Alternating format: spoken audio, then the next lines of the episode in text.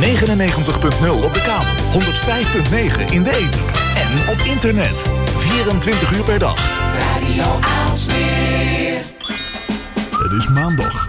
Tijd voor anders. Tijd voor scherpte en innovatie. Tijd voor blikopende radio. Met Wilg en Lennart. Ja, blik open een radio, de aflevering van 27 januari 2020. Uh, het is aflevering 48 alweer. En ook vanavond is er weer uitgebreid aandacht voor uh, innovatie. Want onze gast is uh, Jeroen Vonk. Hij is innovation designer bij Novum. En dat is dan weer het innovatielab van de Sociale Verzekeringsbank. Nou, wat doet die bank eigenlijk? En hoe zorgt een instantie die al meer dan een eeuw bestaat voor vernieuwing? Um, ja, daar zijn we natuurlijk reuze benieuwd naar. En verder is Jeroen ook net terug uit Amerika, waar hij Project Voice bezocht. Het voice-event van de wereld. Nou, onder andere daarover gaan we natuurlijk ook in gesprek met Jeroen. Ja, heel benieuwd naar, naar Jeroen. Welkom Jeroen. Dankjewel. Uh, verder natuurlijk onze columnisten. Vanavond aan de beurt columnist Jilles Groenendijk, onze technisch bezieler. En we gaan het, we gaan het hebben over uh, First Lego League. Een wedstrijd die jongeren uitdaagt om de maatschappelijke rol van techniek en technologie te onderzoeken. Hmm, interessant. Uh, ook natuurlijk de Week van Wilg, oftewel de blikopeners. Wat is ons opgevallen afgelopen week? En als afsluiter columnist Herman Kouwenberg. Uh, ook bekend als Ed Hermaniak op Twitter. En hij gaat het hebben over natuurlijk Twitter. Uh, wat nieuwe features die uitgerold zijn. En de opvolger van Vine. Hmm. Byte heet hij toch? Ja, ik dacht, laat het hem onthullen. Oh, goed. Oké, okay. nou, ook hebben we nog een primeur, of niet? Ja, je kan meekijken ook uh, via uh, tv. Als even, test. Even zwaaien. Zwaaien even, ja. Of via radiosmeer.nl slash tv. Um, nou, allemaal al genoeg reden dus om te blijven luisteren slash kijken. En ben je nog niet geabonneerd op de podcast... Schaam je. Nee. ga dan zoeken naar uh, Blikopener Radio in, in iTunes of Spotify. Of ga gewoon naar blikopener.radio. En als je suggesties hebt voor gasten, altijd welkom. stuur een mailtje naar post.blikopener.radio. Mooi. Dan ja. uh, kunnen we nu door naar uh, onze gast van vanavond. Nou, inderdaad. In de studio, Jeroen Vonk. Jeroen, goedenavond. Goedenavond. En welkom. Dankjewel. Um, nou, we zaten net al even, innovation designer bij de um, Sociale Verzekeringsbank. Klopt, ja. Ja, we, we, bedacht, we waren een titel aan het bedenken en toen dachten we, ja, innovatiemanager. En toen dachten we, ja, moet je nou innovaties willen managen? En toen dachten we, je moet het eigenlijk mogelijk maken, ontwerpen, innovatieontwerper. Dat klinkt een beetje duf. Ja. Nou, doe het Engels. Innovation designer. Oh, hip. Nou, zo is, zo is te behoren. Gelukt. Ja. ja. ja en bij, bij de SVB, de SVB, de, de, Sociale Verzekeringsbank, heel veel mensen kennen we het waarschijnlijk niet, maar we zijn bekend vanwege de kinderbijslag en de AOW. We hebben zo'n 5 miljoen klanten, keren per jaar, per jaar 45 miljard uit. Uh, en meer dan 3,5 miljoen klanten zijn boven de 65 omdat ze AOW ontvangen. Dus dat is een beetje in het perspectief waarin we ons ja, bevinden. Oh, wauw. Ik, ik wou vragen, wat doet de Sociale Verzekeringsbank eigenlijk? Maar dat heb je uh, meteen al vrij kort en bondig goed uitgelegd. Ja, wist jij dat? Dat dat uh, die tak van de overheid was? Nee. Nee. Ja, nee. dat, is, dat is grappig, want daar had ik het met Jeroen al, al een keer over. Maar uh, daar uh, hebben we het zo meteen wel over. Uh, de eerste vraag is natuurlijk altijd: wie ben je? Wat doe je? Nou, dat heb je al een beetje uitgelegd. Die innovation designer bij de SVB. maar, maar wat houdt dat in? Wat, wat doe je daar op je werk? Um, als innovation designer draaien we alle, alle collega's draaien projecten. We zijn met een team van acht en we huren ook wat mensen in. Dus we zijn er ongeveer met tien mensen. En uh, wat we doen is dat we kijken naar maatschappelijke proble problemen. En die lossen we op een innovatieve manier op. Dus we kijken niet zozeer naar de standaard uh, projectmethodieken. Maar we kijken naar hoe kan je dat nu op een andere manier doen. En hoe kan je dat ook op een met grotere stappen doen. Dus we denken niet van goh, hoe, hoe we het vandaag beter kunnen doen. Maar hoe zouden we het morgen of overmorgen beter kunnen doen. Dat is heel erg lange termijnvisies eigenlijk daarin. Ook, maar we kijken natuurlijk ook wel van goh, wat voor effect kan het nu al hebben. Want als je nu begint met, nu, met, met een effect van nu. En wat voor effect heeft het op, lange, op het lange termijn. En we kijken ook naar nieuwe technologieën en hoe die toepasbaar kunnen zijn voor de SVB en voor de Nederlandse overheid. Uh, denk daar bijvoorbeeld aan blockchain, artificial intelligence, uh, maar ook nieuwe manieren van uh, samenleven, zoals andere manieren van sociale contracten. Uh, ja, dat soort dingen, dat, uh, daar doen we experimenten mee. En experimenten, die, dat, dat, zijn hele korte experimenten van een paar weken, een paar dagen, soms een paar minuten. Omdat je gewoon merkt van, nou, je, je bedenkt iets, ah, dat werkt wel of dat werkt niet. Als het niet werkt, dan kan je ermee stoppen. Dan heb je weer een heleboel geleerd. En het, het succes bij ons is vooral dat we kijken hoeveel waarde kunnen we toevoegen voor de burger. Ja. Dus het is niet zo dat we appjes maken, dat we dat je helemaal kan doorgeven als medewerker van de overheid dat bijvoorbeeld toilet verstopt zit. Nee. Daar zit voor ons de waarde niet in. Maar bij ons zit de waarde erin van nou, hoeveel waarde kunnen we voor die burger toevoegen. Maar je zei net al van, uh, soms zien we al na een paar minuten of iets wat we bedenken effect heeft. Dat vind ik wel interessant. Hoe, hoe kan dat? Nou, als je bijvoorbeeld met, met iets bezig bent en je, uh, wat we hebben gemerkt is dat een, uh, op een goede manier een uitdaging opschrijven. Ja. Dat is uh, erg lastig.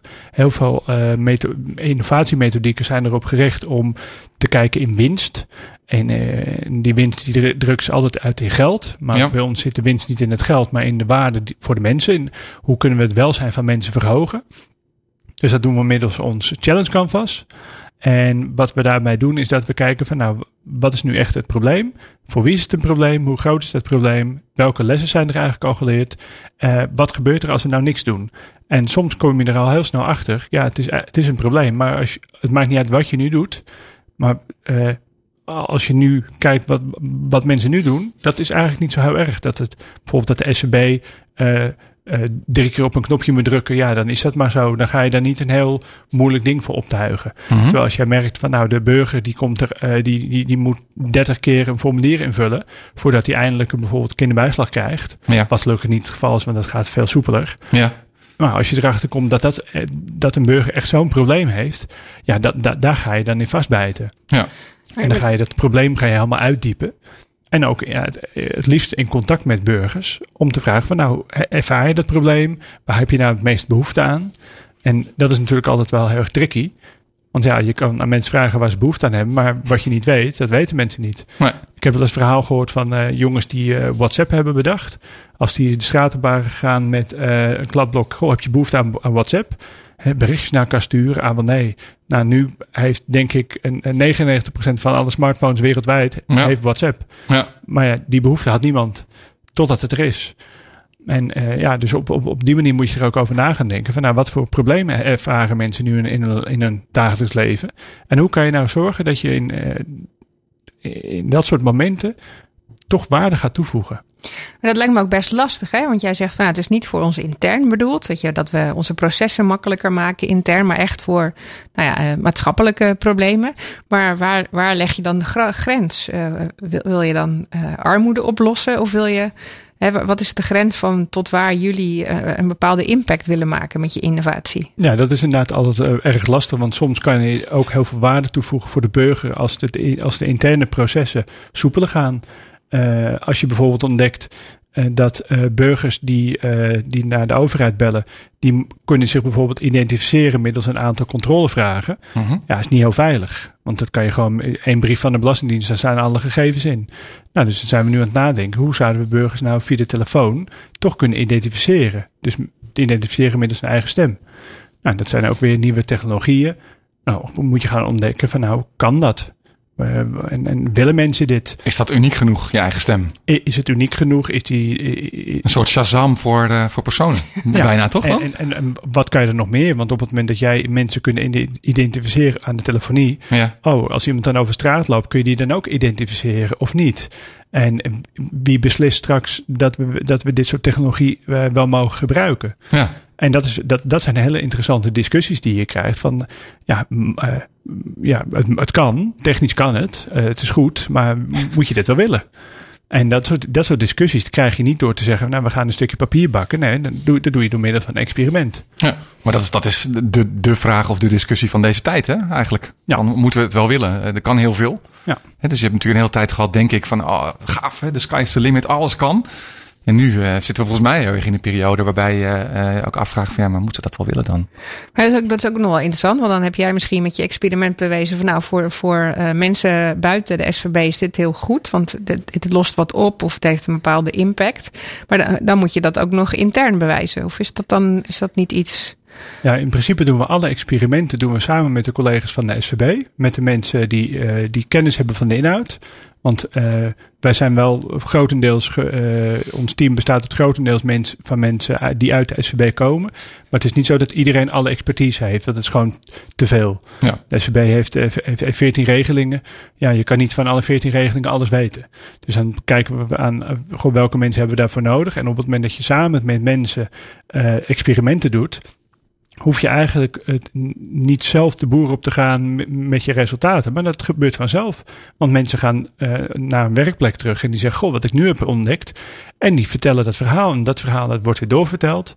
En vervolgens maak je een, uh, iets op een demo day of iets, dat je iets demonstreert. Nou, dan komen mensen naartoe. Oh, wat gaaf. Je, voegt, je laat zien hoeveel waarde je toevoegt. En uh, tuurlijk moet je af, af en toe ook wel kijken naar een business case. Van ja, hoeveel geld levert het nu op? Wat kost het? Want natuurlijk, je kan het welzijn van de burger enorm, groot, eh, enorm vergroten. Maar als dat inhoudt dat je in plaats van met 4100 mensen het werk doet, met 14.000 mensen het werk doet. Ja, daar wordt de burger uiteindelijk ook niet, blij, niet echt blij van, want dan moet hij meer belasting gaan betalen. Ja. En dat soort discussies moet je natuurlijk wel uh, zuiver houden. Ja. Nou, logisch. Kun, kun je, een, uh, kun je een, um, een concreet voorbeeld geven van, van een, uh, een recente innovatie die jullie gedaan hebben? En, en, waar moeten we ongeveer aan denken? Is het, is het een kwestie van uh, een website die makkelijker loopt of een belmenuutje wat anders gaat? Of waar, waar, waar zoeken we het in? Ja, dat, dat soort dingen kun je aan denken. Ehm, een van de recente innovaties die we hebben gedaan, dat is een alternatief leesbewijs. Ja. Mensen die een regeling ontvangen vanuit de SVB die in het buitenland wonen, zo'n ergens tussen de 300 en 400.000 mensen, uh, die ontvangen bijvoorbeeld AOW, die moeten één keer per jaar een teken van leven geven. Een levensbewijs. En dat is niet een foto opsturen met de krant van gisteren. Een levensbewijs. Ja. Klinkt mooi. Ja, dat is allemaal jargon. Dus ik ja. probeer het wel zo, zo begrijpelijk mogelijk te maken. Ja. Uh, maar dan hebben we gekeken van nou, hoe, hoe zou je dat nou op een alternatieve manier kunnen doen? En via een hackathon is daar een product uitgekomen. Uh, dat mensen vanuit hun, uh, vanuit hun eigen smartphone met een internetverbinding in 25 minuten tijd een, lees, een bewijs van leven kunnen geven. Nou, wat je dan ziet is dat mensen in plaats van een half of een hele dag kwijt zijn om een formulier in te vullen, een, uh, een afspraak maken bij een ambassade. Uh, als je in Australië woont, moet je soms zelfs aan, naar de andere kant van Australië vliegen. Nou, dat nee, is helemaal een uitdaging. Oh, wow. Uh, je, moet, je wil niet weten hoeveel CO2 je met dit soort dingen kunt besparen. ja. Maar goed. Uh, levert dat uh, ook nog wat op als zijnde uh, impact, resultaat om mensen te overtuigen? Die CO2-besparing? Nou, aan de ene kant niet omdat de business cases zo niet worden opgesteld. Alleen dat zijn wel van die, van die B-filters die, er, die je daarnaast kan bijleveren. Van, oh, by the way, we hebben 400.000 klanten. Laten we zeggen dat die 10 kilometer reizen per persoon. Nou, dat is dan zoveel ton CO2 wat je kunt besparen. Ja, maar het is niet maar 10 kilometer, het is wel 100. Nou goed, dan doe je dat keer 10. Dan wordt het probleem alleen maar erger. Ja. En ja, dat is dus een van de recente innovaties die we hebben kunnen, kunnen doen. Waarbij je echt in vijf verschillende landen aantoont met echte burgers. Van nou, dit voegt echt waarde toe. En mensen zeggen van dit, dit wil ik echt gebruiken. Hmm, maar je zegt in 25 minuten kunnen ze dan uh, bewijzen dat ze leven. Ja. Hoe werkt dat? Uh, door middel van een scan van een paspoort, ja? een, filmpje die ze moeten opnemen met een smartphone. Ze moeten een zin opnoemen en dat, kan een, dat is dan een zin van een van de teksten uit de top 2000. Oh. Dat is dan, dat is dan een van de, van de zinnen die ze waarschijnlijk wel kunnen kunnen opnoemen. Dus ja. niet een al te recent liedje, want dat is natuurlijk, ja, je weet niet hoe, hoe vaak mensen nog radio luisteren. Ja. En uh, op die manier is dat algoritme zo gemaakt dat die combinatie geeft van nou, leeft iemand echt nog en is dit echt degene die zegt dat hij is? En dat geeft een bepaalde score. Wow. En die score die zorgt ervoor dat de medewerker van de SCB vervolgens ziet van nou, ja, deze persoon is in leven en die doet dan die check en die zetten in het systeem, deze persoon leeft nog. Hm. En is dat dan een combinatie van gezichtsherkenning en, en um, stemherkenning? Ja, en uh, identificatiebewijs. En natuurlijk, uh, er zijn heel, uh, als je dan gaat vervolgens met expert gaat praten, die zeggen ja, het is niet waterdicht. Nee, dat is een formulier met een handtekening en de stempel ook niet. Uh, dus je, kan, je kunt ook kijken in hoeverre is het veiliger of minder veilig. En ja, natuurlijk als het minder veilig is, dan moet je extra checks inbouwen. Ja. Maar ik kan me ook voorstellen dat zo'n uh, formulier met een handtekening uh, ook wel weer fraudegevoelig is als je daarvoor bijvoorbeeld twee dagen moet reizen en, en daar wellicht geen tijd voor hebt of geen geld of ja, iets. Ja, voor, vooral geen geld, want het zijn voor, voor het, over het algemeen genomen gepensioneerden, dus tijd hebben ze vaak wel. Uh, alleen ja, uh, het kost gewoon heel veel uh, reisbewegingen. En toch ook heel veel moeite. Want wij denken van nee, dan ga je gewoon ergens naartoe. Je, krijgt een, je trekt een nummertje bij een loket en je, je, je, je, wordt geholpen. Ja, dat, dat is in Nederland zo. Maar dat is in heel veel landen is dat niet zo. Heel veel landen moet je een afspraak maken. En als je dan komt. Nee, we hebben er vandaag niet, zo, niet, niet zoveel zin in. Kom morgen maar terug.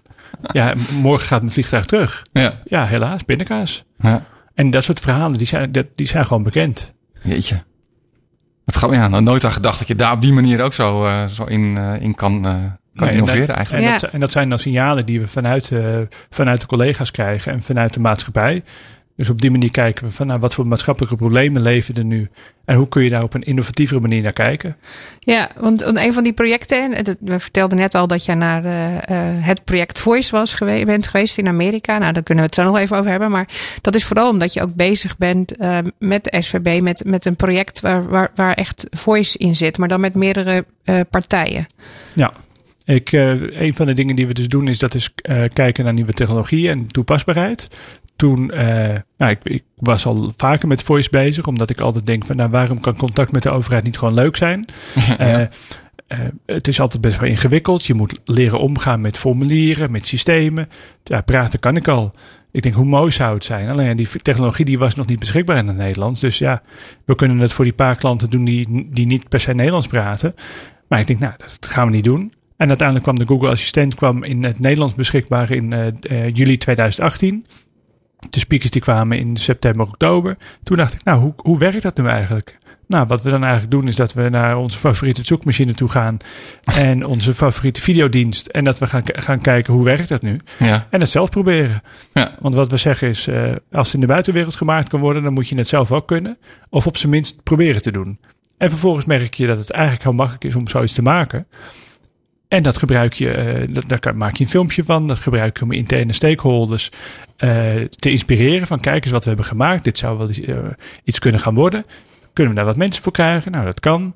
En toen ben ik gaan kijken, nou, wie is daar nu nog meer in Nederland mee bezig? En toen kwam ik uh, Maarten Lensje Gerald tegen. Jo, die hebben we ook in de uitzending Gast in onze uitzending, ja. ja. Dat is een vriend van de show bijna. en uh, een paar dagen later een kop koffie meegedronken. Droom uitgelegd. En de droom was, nou, hoe, zou, hoe mooi zou het nou zijn... dat als straks heel veel mensen zo'n speaker in huis hebben... en ze, ze hebben een keer hulp nodig dat ze dan via zo'n speaker om hulp zouden kunnen vragen. Alleen ja, je gaat niet iemand een speaker geven omdat hij hulp nodig heeft. Nee. Je gaat die speaker geven omdat hij er echt waarde in, voor heeft in zijn dagelijks leven.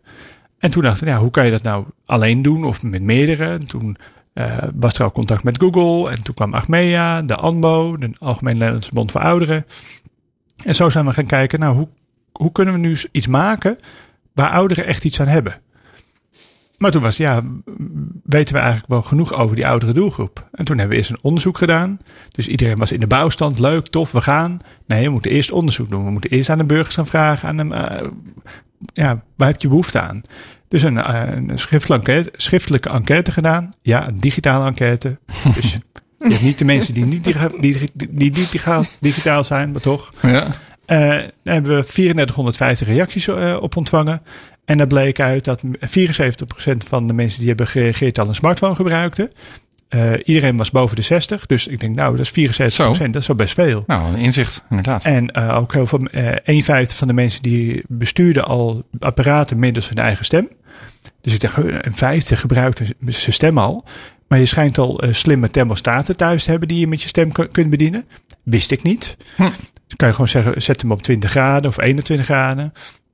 Of zelfs ik ben thuis, dan gaat hij aan. Ja. Uh, of in de auto of navigatiesysteem. Maar ook heel veel mensen gebruikten hun op hun smartphone de dicteerfunctie al.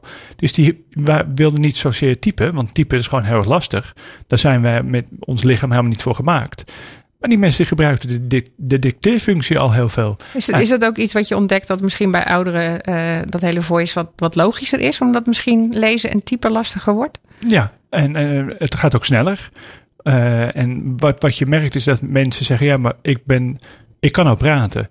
En al dat typen en dat soort dingen, ja, dat, dat moet je je aanleren. Zo'n klein priegelschermpje. Of zo'n klein priegelschermpje. Ja, of, nou ja. En, en, toen hebben we ook een, eh, een praktijktest gedaan met, uh, met 14 senioren. En twee weken lang hebben ze een standaard Google Home mee naar huis genomen. En wij dachten, nou, die komen terug Ik dacht, ik dacht zelf, de helft die, die komt terug en die zegt bedankt voor de speaker, maar ik hoef hem niet. Het is te ingewikkeld, het lukt me niet. Het tegendeel is waar, niemand heeft hem ingeleverd. Oh. En mensen zeiden zelfs, ik heb er een vriendje bij, ik voel me veel veiliger in huis. Ik, deze technologie die gaat ervoor zorgen dat ik langer zelfstandig thuis kan blijven. En dat ik echt dacht van, hè, hoe dan? En mensen hebben twee weken lang een dagboekje bijgehouden. En uh, ook mensen die zeiden, ja, ik heb uh, slimme lampen gekocht, want dan hoef ik niet meer uh, aan en uit te doen. Er was ook een meneer die had allemaal lampen in huis en die heeft slimme stopcontacten gekocht. En ik vroeg, ja, maar hoezo? Want we wilden alleen maar dat u die speaker testen. ja. Nou, hij zegt, ja, ik heb van die schakelaars op de grond, maar iedere avond zie ik op tegen naar bed gaan. Want dan moet ik weer gaan bukken, moet ik die uh, schakelaars omdoen. Ik heb van die schakelaars die je met je voeten uit kan doen. Ja. Alleen, ik ben niet meer zo stabiel op mijn benen. Uh, hij zegt, en nu zeg ik gewoon, doe de lichten uit, de lichten gaan uit. Hij zegt, nou, ik ben in jaren niet zo vrolijk naar bed gegaan. ja. En wat grappig, van een zij... zij ja, en dat, en dat soort dingen, Bijoogst. dat ontdek je door, de, door met echte mensen experimenten te doen. Ja. En dat ontdek je niet door te zeggen, nou, we gaan je stuurt een enquête uit, je krijgt antwoorden terug en je bent klaar. Dat je moet altijd wel met echte mensen dingen gaan maken. En wat we ook hebben gevraagd aan mensen is van nou, waar zij nou behoefte aan hebben. Uh, nou, behoefte aan onboarding. Dus hoe werkt dat ding? Hoe krijg ik het aan de praat? Het is nu een hele kleine instructie. Je moet het allemaal maar snappen. Je moet het vrij digi digivaardig zijn. De, de, kleinkinderen vragen misschien. Klopt. Ja. Alleen mensen zeggen, ik wil het zelf kunnen. Ja. En die uh, oudere mensen hebben de tijd, die hebben het geduld.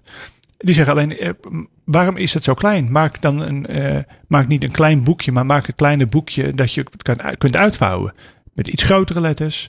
Dat ik niet per se mijn zwaarste loop nodig heb. Want ik heb het ook gezien. Ik, ja. Dit boek is heel klein. Hele kleine letters. Ik heb een hele andere doelgroep gemaakt eigenlijk. Ja, Oorspronkelijk denk ik. Dan. Klopt. En het, het moet allemaal zo klein, want het doosje is niet zo groot. Terwijl ja, je kunt het toch je kunt het uitvouwen. Grappig. Ja. En uh, wat we dus ook vroegen, nou zou je dan uh, digitaal willen communiceren met de overheid. En toen zeiden mensen, nou nee, dat wil ik niet. Want dan uh, communiceren met de overheid kan alleen maar met DigiD. En ik wil niet mijn DigiD aan Google geven. Zo. Dat, dat, vond ik wel een interessant gegeven. Dat mensen ook wel over privacy nadenken. Uh, maar toen dacht ik, ja, maar als je alleen algemene informatie opvraagt. Toen zeiden ze, ja, maar dat kan toch vast wel? Nou, dat kan dus niet. Dus daar hebben we experimenten op gedaan. Hebben we applicaties voor gemaakt. En daar hebben we weer het inzicht op gedaan dat je als je zo'n applicatie op zo'n speaker, dan moet je eerst een speaker aanroepen en vervolgens moet je zeggen praat met, in dit geval praat met de SVB. Ja. Nou zeggen mensen, hoe moet ik eigenlijk weten dat ik de vraag aan jullie kan stellen? Want ik, ik wil gewoon iets vragen. En toen zeiden ja, dat weet je toch? Je weet toch dat je AOW van de SVB krijgt? Nou, weet ik eigenlijk niet. Ik, krijg, ik heb het een keer aangevraagd. Ik weet niet dat het voor jullie komt. Ja, ik kan het op mijn rekeningafschrift zien. Maar voor de rest, ja, geen idee. En daar hadden we natuurlijk aan het begin van de uitzending al over. Ja. Hè? Weet jij dat de kinderbijslag ook, uh, Ja. waar die dan vandaan komt? Ja, Hoe vraag je dat aan? Ja. En als je iets wil weten hoe je bijvoorbeeld een paspoort moet aanvragen, aan wie ga je dat vragen? Ja. Nou, we zitten nu in Aalsmeer. Als ik dat nu aan mijn speaker vraag, of aan mijn applicatie op mijn telefoon, vraag ik dat dan nu aan Aalsmeer of vraag ik dat aan Amstelveen, waar ik woon? Ja. En hoe zit dat dan als ik een paspoort aanvraag, maar ik ben niet in Amstelveen? Dan, hoe, hoe moet ik dat allemaal weten? Dus zo zijn we erachter gekomen dat zo'n applicatie maken niet de oplossing is. Nee. Maar dat wel de oplossing is dat je, als je nou de content, dus de teksten en zo op die website, als je die goed optimaliseert, als je, eh, dat je dan een vraag kunt stellen aan je speaker en dat je dan het antwoord voorgelezen krijgt wat op de website staat. Mhm. Nou, en dat zijn we vervolgens uh, gaan doen. Daar hebben we een werkgroepje voor gevormd. En nu worden de, uh, zijn de eerste groot, ja, de grootste websites van de, van de overheid, zoals SVB, UWV, Duo, uh, Kamer van Koophandel, Kadaster, CBS. Die zijn nu aan het kijken hoe kunnen we nou gezamenlijk die stukjes code uitwisselen. Zodat je op een hele makkelijke manier die content via voice search, dus spraakzoekopdrachten, Ja. kunt krijgen. En, Ah, want er zijn in, uh, in onze grote zoekmachine zijn er zoals er uh, snippets zijn die je, hè, dus de stukjes die je ziet als je zoekt uh, visueel heb je tegenwoordig hè, met, met plaatjes, maar Ja. je hebt ook textuele stukjes en daar komen nu dan dus ook speciale stukjes bij uh, die, die ze gebruiken als je dat op, op voice zoekt. Ja, die, die, dat, dat, dat zijn speciale stukjes content die gemaakt zijn om voorgelezen te worden. Want heel veel mensen denken, ja, wat je voorgelezen krijgt op een website, dat is wel dat is eenvoudig. Nee. Nou, ga, maar een keer gewoon een, een, met een willekeurige website, laat dat voorlezen. Tegenwoordig kunnen heel veel websites kunnen, kunnen content voorlezen. Ga niet naar de content kijken, maar ga alleen luisteren. Kijk dus niet naar het scherm. Dan ontdek je hoe ingewikkeld de informatie is die je, die je op je afgevuurd krijgt. En dat is natuurlijk, als je het kan lezen, dan kan je het een paar keer lezen. Maar als je het alleen maar hoort, is het heel ingewikkeld. Ja. En heel lang. Want wij kunnen vrij veel praten in één adem. Alleen ja, als je content naar je toe op afgevuurd krijgt, dat moet eigenlijk in één adem genoemd worden. En als je alleen maar aan het antwoorden bent, eh, bijvoorbeeld als je vraagt, nou, hoe kan, ja, hoe kan ik AOW aanvragen? Volgens de website van de SCB kun je AOW aanvragen middels deze twaalf stappen. Ja, nou, dat ga je niet volgen. eh. Nee. nee. Nou, dat, is, dat hebben we dus ook in onze test gemerkt. Van ja, mensen vinden het allemaal te lang Ja. en te ingewikkeld. Nou, dan vraag je, wat wil je weten? Ja, welke stappen moet ik nu, moet, moet ik nu doen? En wat heb ik daarvoor nodig? En dat zijn geen twaalf dingen. Ja. Het is heel grappig, want ik, ik denk dat ehm, ehm, als je gemiddeld iemand zou vragen van nou, hoe, hoe modern is de overheid en eh, hoe innovatief is de overheid eigenlijk? Ehm, ik denk niet dat mensen daar het idee van hebben. Want als ik jou zo hoor praten, denk ik van wauw. Hoe- Ja. Hoe, hoe doet Nederland het vergeleken met andere landen? Ja, ik vind dat we het, dat we het vrij goed doen. Ja. Eh, het enige is dat we in, waar we in Nederland altijd heel goed in zijn, is dat we kijken hoe iets niet kan. Eh, terwijl je moet eigenlijk kijken, waar- hoe zou het nou wel kunnen? En dat is, dat is wel het verschil. Er zijn heel veel andere landen om ons heen, die zijn eh, heel veel met technologie bezig. Ja. En die kijken ook echt naar hoe kunnen we nou waarde toevoegen voor de burger. Waar, hebben- waar hebben de mensen nou het, het meeste baat bij? Dat kunnen mensen niet altijd zelf bedenken, want ja, wat je niet weet, dat weet je niet. Nee. Maar hoe kunnen we nu bijvoorbeeld ook het beleid eh, samen met burgers maken, waar, waar mensen echt iets aan hebben? En niet dat er beleid komt en dat je denkt van, goh, hoe hebben ze dat nou weer bedacht? Hebben ze wel, zijn ze wel eens een keer buiten geweest? Ja, Maar dat is, ik kan me zo voorstellen dat dat ook het leukste van jouw werk is. ja vooral het, het praten met mensen. Vandaag hebben we ook weer een aantal interviews gedaan. Ja? We zijn nu eh, bezig met een design sprint. Dat is zeg maar in een hele week sluiten we ons op in een hok. In dit geval in het Amsterdamse bos. En, en dan kijken we naar de, in dit geval de nabestaande wet. En dan gaan we met mensen in gesprek die eh, ervaring hebben met deze regeling. Goh, hoe, hoe, eh, hoe, hoe ben je nou in deze situatie terechtgekomen? Waar ben je tegen aangelopen? Maar ook met hulpverleners die mensen helpen in dit soort situaties. En dan ontdek je dus dat er wat jij denkt te weten, dat het heel vaak niet klopt. Het zijn allemaal aannames. En aannames, dat is ja, het, is het slechtste wat je kan hebben. Ja. Maar die, die invalideer je dus. En dan ontdek je dus waar, waar mensen het meest behoefte aan hebben.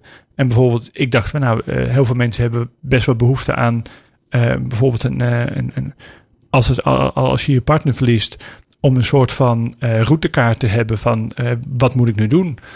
Terwijl de hulpverleners zeggen, nou mensen moeten juist meer de eigen regie hebben. Mensen moeten echt wel weten van nou, als, als dit gebeurt, moet ik nu deze stappen doen. Ja. En ja, hoe weten mensen dat? Ja, mensen gaan gewoon, ja, die zitten in een bepaalde situatie, die, die zijn helemaal niet voorbereid. Ja. Ja, je bereidt je ook niet voor op je partner te verliezen, maar het gebeurt toch vaak dat je al van tevoren aanvoelt komen of aanziet komen dat je je partner gaat verliezen.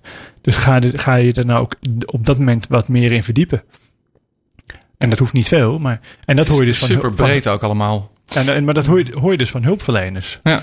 Maar goed, maar goed, behalve die, die technologieën, want ja, je hebt het heel erg over, nou, ze noemen dat eh, in, de, in de technische uh, GovTech eh, dingen. Ja. Hoorde ik ook heel veel dingen van, nou, misschien zouden ook al stukken beleid veranderen. En lu- lukt dat ook om dat intern dan weer over de brug te krijgen? Of is dat een soort van wisselwerking tussen dat, dat snelle zoeken en, en dan weer proberen dat te veranderen intern? Ja, dat hebben we nu wel gemerkt. Dat je, ehm, als je kijkt naar heel veel problemen, die, die zijn toch wel ontstaan.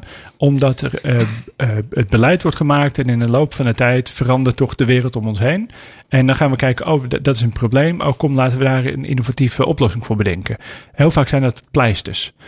Noem, eh, ik zou, zou het kunnen zeggen. En op het moment dat je nou die pleister niet wil, niet wil gebruiken, maar je wil echt een structurele oplossing bedenken, dan moet je echt een, een beleids eh, vraagstuk op tafel leggen. Maar ja, je kunt zeggen van nou, we gaan, we gaan zelf beleid schrijven. En dat geven we dan aan een beleidsmaker. Die, die, die ziet jou aankomen. Oh, heb je mijn werk gedaan? Dus wat we nu aan het proberen zijn, is dat we inzicht aan het op, opdoen. eh, en dat we kijken, nou, op wat voor manier zouden we nu een beleidsvoorstel kunnen gaan doen. En eh, daarmee eh, met beleidsmakers van, van een, bijvoorbeeld van een ministerie en ook vanuit de SVB kijken van nou, we hebben dit ervaren, dit hebben we gezien, hier hebben we experimenten op gedaan. Het beleid zou wel, wel eens op deze en deze manier aangepast kunnen worden, zodat je dit effect kan bereiken. Hm. En dat is iets waar we nu in zitten. Mooi. Ik denk dat we hier nog uren over uh, na kunnen uh, praten. Ik wilde nog uh, over Amerika vragen en, en, je, en je jeugd. Maar laten we dat in een andere uitzending gewoon een keertje doen. Helaas. Ik vind het een goed idee. Um, als mensen hier meer over zouden willen weten, is, is er een website ook van, van jullie innovatielab of is dat niet publiek? Ja, dat is publiek. dat is novum.nu. Novum.nu. Ja, en dat komt omdat nu innovatie gebeurt nu. Ja. En .nl was al, bez, uh, was al bezet. dus. Jeroen, dankjewel voor je aanwezigheid. Dankjewel, leuk om hier te zijn. Blikopener Radio. En zo gaan we door met uh, onze columnist van vanavond, onze eerste columnist, uh, Jilles, Jilles Goedendijk. Goedenavond. Goedenavond, Lennart. En Wilg. Nou, wat fijn dat je uh, weer bij ons in de uitzending te gast bent.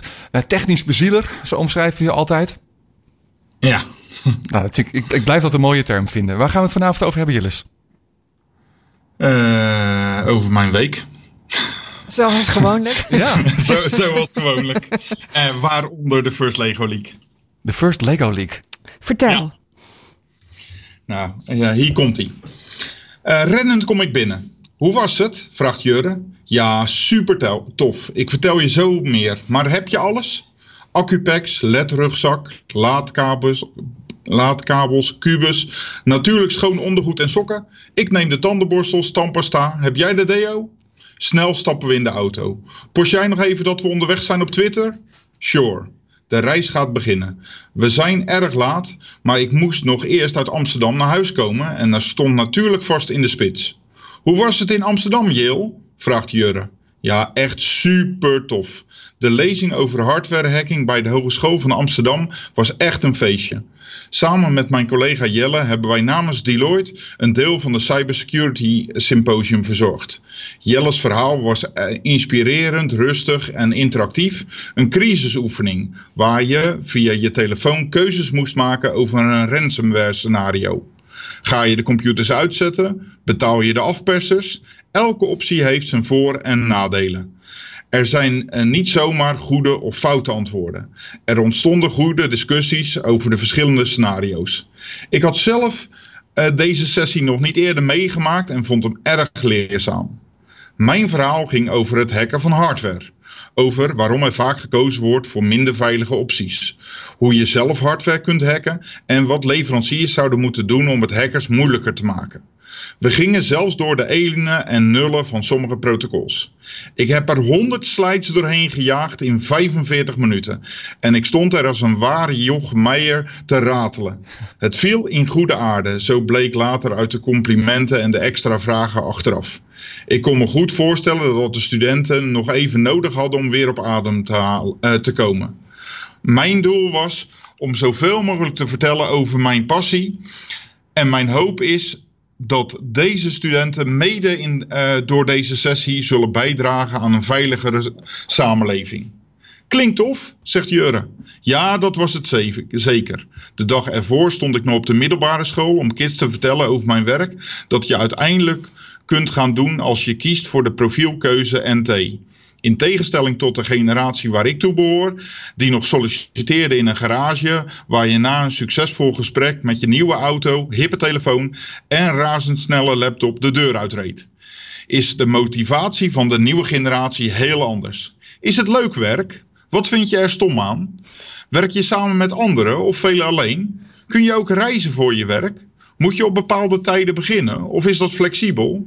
Ik doe deze gesprekken al jaren, net als veel ouders uit andere beroepsgroepen, zodat kids een goed beeld kunnen krijgen wat een bepaalde job nou daadwerkelijk inhoudt.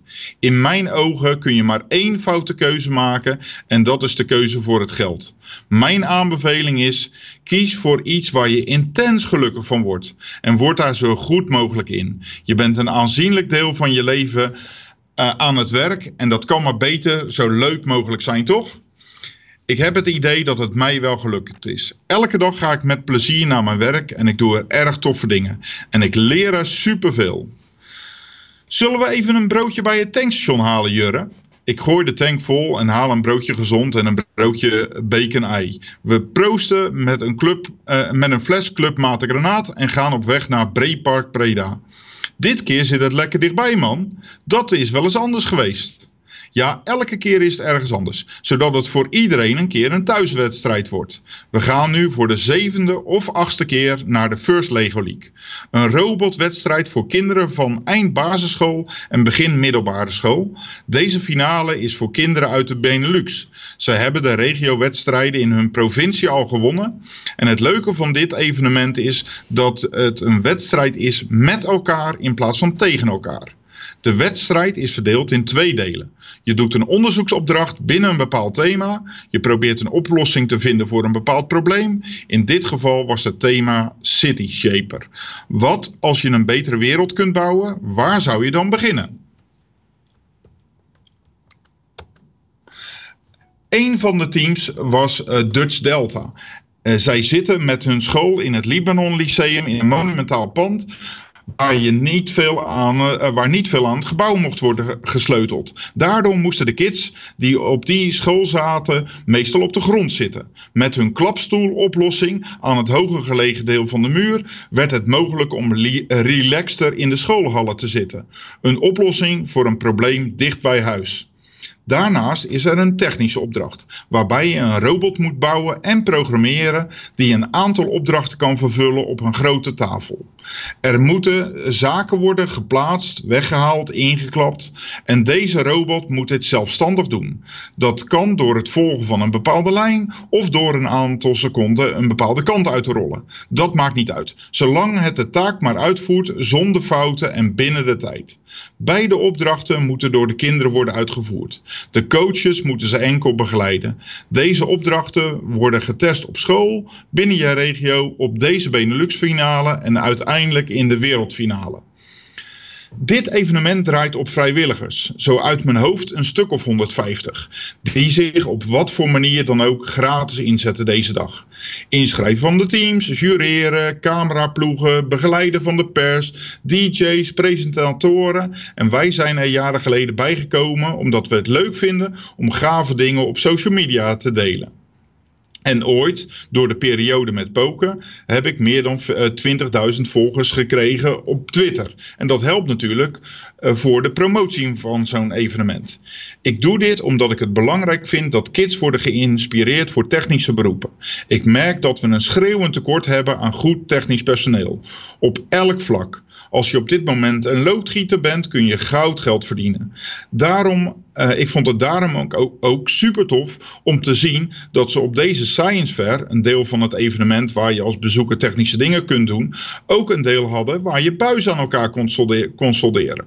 Verder staan er elk jaar mega grote robots van Lego Education.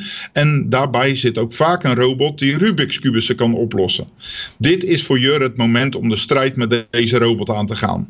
Een strijd die hij van deze robot inmiddels makkelijk wint. Is door de organisatie goed voor de vrijwilligers gezorgd. Als je van ver komt mag je overnachten, er is ontbijt, eten en drinken gedurende de hele dag en we sluiten af met een diner. De vrijwilligers krijgen meestal een leuk presentje en een soort van lege medaille dat je er deze keer weer bij was. Rond 8 uur vertrekken we naar huis. We zijn kapot als we thuiskomen, storten dood in bed. Het was een geweldige dag die we voor geen goud hadden willen missen. Wat mooi. Ja, gaaf uh, Jilles, dat je altijd zoveel doet. Ik vraag me altijd af of je dan gewoon elke week weer allemaal van dat soort spannende evenementen meemaakt. Uh, ja. Ja, gewoon ja. ja. Ja, is ook een antwoord. Ja. Uh, en actueel ook, hè, met ja. het ransomware. Ik dacht even dat het gewoon geen test was, maar gewoon echt. Want, want, want dat, daar wilde ik ook meteen over vragen. Want dat, dat hadden we laatst nieuws over, ransomware. En dat kon dan, moest betaald worden. servers want, en zo, ja. want de backup was ook versleuteld, geloof ik. Ja. Ja. Uh, dus uh, ja, en, en uh, waar ik je dan ook meteen over kan vragen, over hacken gesproken.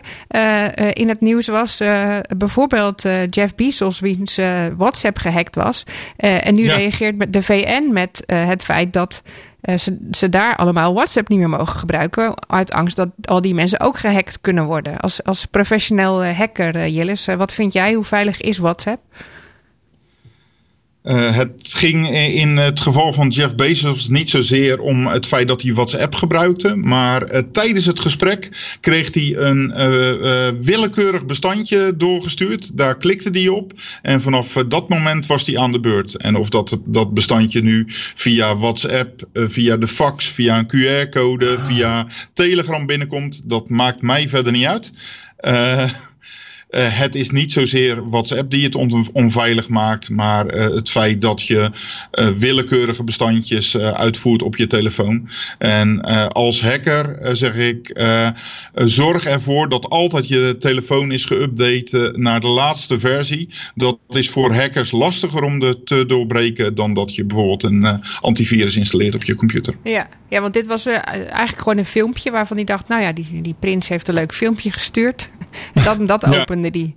En dat was eigenlijk het gevaar. En jij zegt dat maakt niet zo uit of dat WhatsApp of iets anders was. Exact, ja. Ja, ik snap het. Nou ja, dat was uh, voor mij uh, een onderwerp voor de week van Wilg. Dus ik dacht, uh, dat breien we gewoon even aan elkaar. Ah, Dankjewel. Ja, ja, ja, ja, Oh, en dat is zelfs zo'n man, hè, waarvan je toch zou zeggen dat hij behoorlijk technisch zou moeten zijn. Dat hij het ook ja, en, en ook wel weer slim eh, van de Saoedische prins hoe die dat dan gedaan heeft. Maar daarom vond ik de reactie van de VN uh, eh, zo bijzonder. Om te zeggen, nou dan mogen al onze medewerkers vanaf nu geen WhatsApp meer gebruiken. Dat vind ik best radicaal. Ja.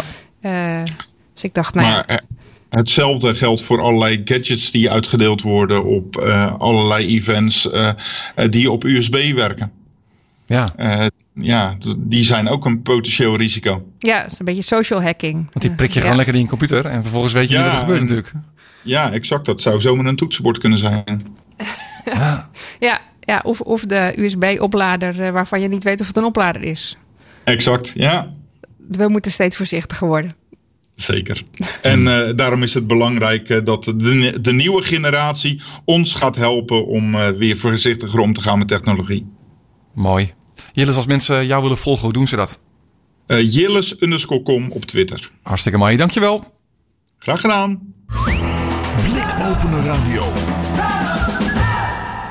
En inderdaad, eh, de Week van Wilg. Tenminste, het tweede deel daarvan zou ik ja, zeggen. Nou ja, ik had dat berichtje al voorbij zien komen. En ik vond, het, ik vond het zelf vrij radicaal om dan te zeggen... nou, WhatsApp doen we helemaal niet meer. Dus ik dacht, dat wil ik gewoon even aan Jillis vragen. Die weet dat vast.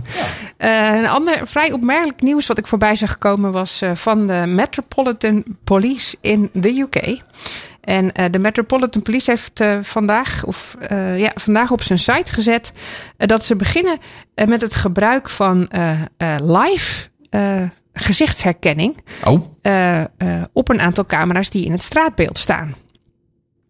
Uh, Zo, en, dat, is wel een privacy dingetje zou je zeggen. Het beste een voorrustende, voorrustend bericht eigenlijk. Ze zeggen nu van, we gaan, daar, we gaan daar voor nu alleen hele simpele dingen mee doen. bijvoorbeeld als we echt iemand zoeken die heel gevaarlijk is. En we willen daar heel transparant in zijn. want we gaan flyers uitdelen als het in een bepaald gebied aan de hand is. Um, maar goed, onmiddellijk reageert daar natuurlijk uh, um, The Guardian op. En die vraagt zich af van ja, dat is leuk dat ze dat nu zeggen. Maar um, het, is, het is nogal een stap. Uh, de, is zelfs Chinees. de EU uh, wil zelfs uh, zeggen van nou misschien moeten we tijdelijk dat hele gezichtsherkenning maar even niet toestaan in het straatbeeld. Want in hoeverre is dat in strijd met individu individuele rechten als je daar loopt? Hè? Word je dan altijd maar in de gaten gehouden bij elk ding die, die je doet? Um, ja, en, en uh, uh, is het wel zo dat alles wat kan, dat je dat ook moet doen? En hoe weeg je dat dan precies, precies af? Uh, want dat is dus een van de dingen die de Metropolitan Police zegt. Die zegt van ja, maar. Uh, het is onze duty, het is onze taak eigenlijk om dit uit te rollen, omdat het kan. En dus moeten wij die technologie ook toepassen. Uh, Want dan kunnen we ons werk beter doen, eigenlijk. Ja, eigenlijk wel. Ja. Maar goed, dat heeft natuurlijk twee kanten. En daar moet je best in dit geval heel voorzichtig mee zijn. Want dan, dan ga je inderdaad de Chinese kant op. Van nou, wil je dan iedereen herkennen? Uh, en, en, uh, en hoe goed is dat als dat gebeurt? En dan zijn er natuurlijk dus allerlei nog andere dingen die de, de Guardian aanhaalt. Als in gezichtsherkenning doet het al heel goed, maar vooral bij blanke witte mannen. En in, in andere gevallen zijn ze nog niet zo heel goed in het herkennen van gezichten. Dus dan krijg je ook rare verwarringen. Ja. Uh, maar het blijft het een feit dat de Metropolitan uh, dat toch nu uh, voor het eerst live gaat uitrollen in Engeland. Hm. Het doet me heel erg denken aan een verhaal dat ook in de New York Times stond uit mijn hoofd. over ehm, locatiedata. Die dus op grote schaal zeg maar, doorverkocht wordt door allerlei partijen. Zonder dat je als gebruiker dat doorhebt. Ja, en dat ze dus op die data, zeg maar, dus daar inzicht in gekregen hebben. En daar dus echt daadwerkelijk personen hebben kunnen traceren. Want als jij elke dag, zeg maar, dezelfde route aflegt naar iets. Hè, of je komt even bij een abortuskliniek bijvoorbeeld. Hè, en je blijft daar een paar uur en je gaat weer weg. Nou, dat is heel erg en dat is, dat is eigenlijk het enge. Want mensen die denken van ja, wat, wat maakt dat nou uit als mensen dit van me weten of dit van me weten. Maar het zit hem in het feit dat dat verrijken. En dat is wat heel veel organisaties waar ze nu geld voor betalen. Dat ze een bepaald profiel hebben. Juist. Uh, via Facebook of wat anders. Dat ze kunnen verrijken met andere informatie. waardoor er dus een soort van heel compleet beeld van jou gaat ontstaan. Ja. Uh, met allemaal dingen en verbanden als je elke dag in je huis slaapt, wat je doet. Bijvoorbeeld. Hè, dat is op zo'n locatie, daar ligt je telefoon naast je bed. Dus dan kunnen mensen heel makkelijk met publieke data achterhalen. Van, oh maar in die straat of daar aan de Van Kleefkade, daar zit eh, die omroep. En, en, en dan krijg je dus verbanden en inzichten die, die wel gevaarlijker zijn. Omdat het een compleet profiel geeft. Ja. Uh, terwijl jij met al die kleine dingetjes denkt van, ah, dat maakt niet zo uit. Maar daar, daar moet je wellicht toch uh, op letten. Ingewikkeldheid. Uh, ja. Een andere leuk nieuwtje zag ik van USP, de, de delivery service. Hè, dus de pakjes rondbrenger uit Amerika. Die, hebben van, die hebben het oké gekregen om uh, met drones pakjes rond te gaan brengen. Oh, wow. En, uh, nou zeggen ze zelfs, jongens, niet helemaal meteen gaan juichen. want pakjes rondbrengen gewoon in buurten waar mensen wonen, dat is nog best ver weg. Maar we hebben wel het oké gekregen om bij bepaalde instellingen, zoals bijvoorbeeld universiteiten en ziekenhuizen, pakjes te mogen rondbrengen met een drone. Dus daar gaan ze uh, testen mee doen. Ik weet niet of dat dit jaar al gebeurt, maar daar hebben ze dus wel toestemming voor gekregen om met die drones rond te kunnen vliegen. In ieder geval in Amerika. Ik weet niet spannend. hoe het in uh, Nederland wordt. Ja, heel spannend. Nou, een ander heel mooi nieuws, uh, tenminste, voor de mensen die zitten te wachten op ja, ik weet het niet, misschien nooit meer doodgaan of uh, jezelf. Uh, Onsterfelijkheid. ja, ik, ik weet niet hoe, uh, hoe, hoe dat bij het Novum gezien wordt, doodgaan. Maar Elon Musk kwam met een heel mooi nieuwtje. Elon Musk zegt: ehm, Het wordt binnenkort mogelijk om ons brein ja, te connecten aan, aan, aan AI. Dus we kunnen misschien ook wel met een, een computer interacteren. Um, en in eerste instantie zegt hij, kan het al heel snel, maar dan gaan we mensen verbeteren. Dus dan kunnen we mensen helpen met bijvoorbeeld een handicap. En dan kunnen we iets implanteren waardoor zij hulp krijgen. En dat is door middel van artificial intelligence. Maar stiekem uh, wil die er ook naartoe werken dat, dat je ook echt verder kan gaan. En dat je hele brein wellicht wel in de computer uh, kan komen. Uh, zover is het nog niet, maar het eerste prototype van zo'n implantaat in een persoon verwacht hij wel tegen het einde van het jaar. Het is natuurlijk een Elon Musk-uitspraak. Dat kan wat langer duren. Het kan iets langer duren. Maar tot nu toe eh, doet hij wel altijd wat hij zegt. Ja. En het, voor mij weer de vraag dan, uh, en ik zie Jeroen ook al een beetje kijken, van ja, het, omdat het kan wil niet zeggen dat je het moet doen. Nee, maar het is natuurlijk ook de vraag van in welke situaties ga je mensen helpen?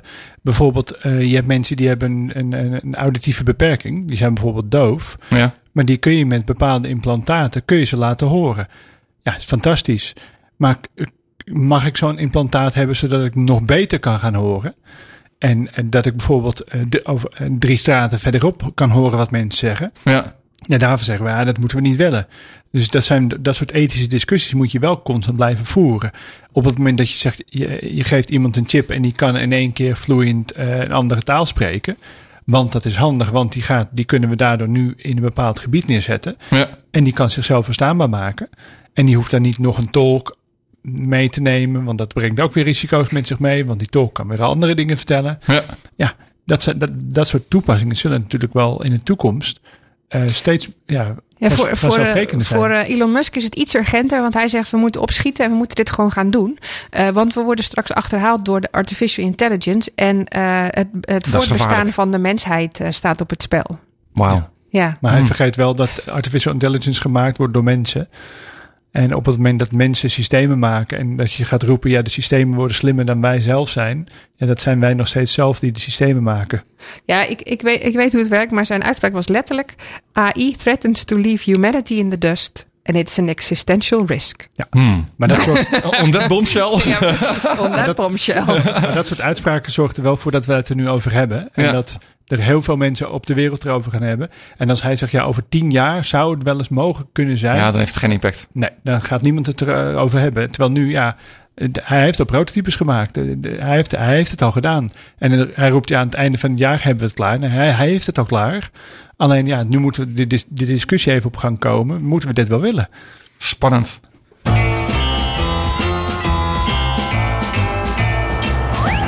Blikopener Radio.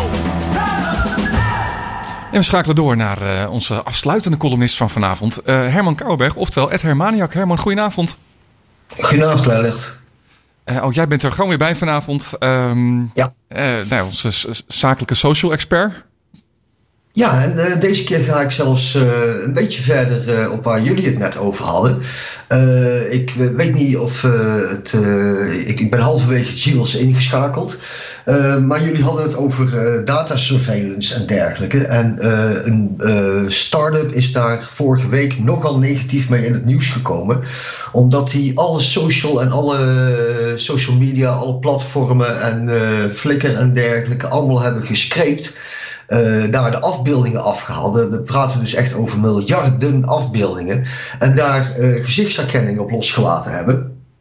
Zeer geavanceerde. En uh, daar, die diensten bieden ze aan. Dus de politie kan gewoon zeggen van, nou wij zoeken die en die, we hebben daar een foto van, wie is dat? En dan kan dat bedrijf dat in, in, ja, in heel veel gevallen, en ik, ik sluit me aan bij Wilg. Het zal voornamelijk blanke witte mannen op het moment nog zijn. Maar dat groeit, dat gaat sterk groeien. Dan kunnen ze je gewoon vinden. Bizar. Nou, dat, dat bedrijf wil, of gebruikt daar ook Twitter voor. En Twitter heeft het bedrijf nu officieel te kennen gegeven dat ze dat niet meer mogen doen.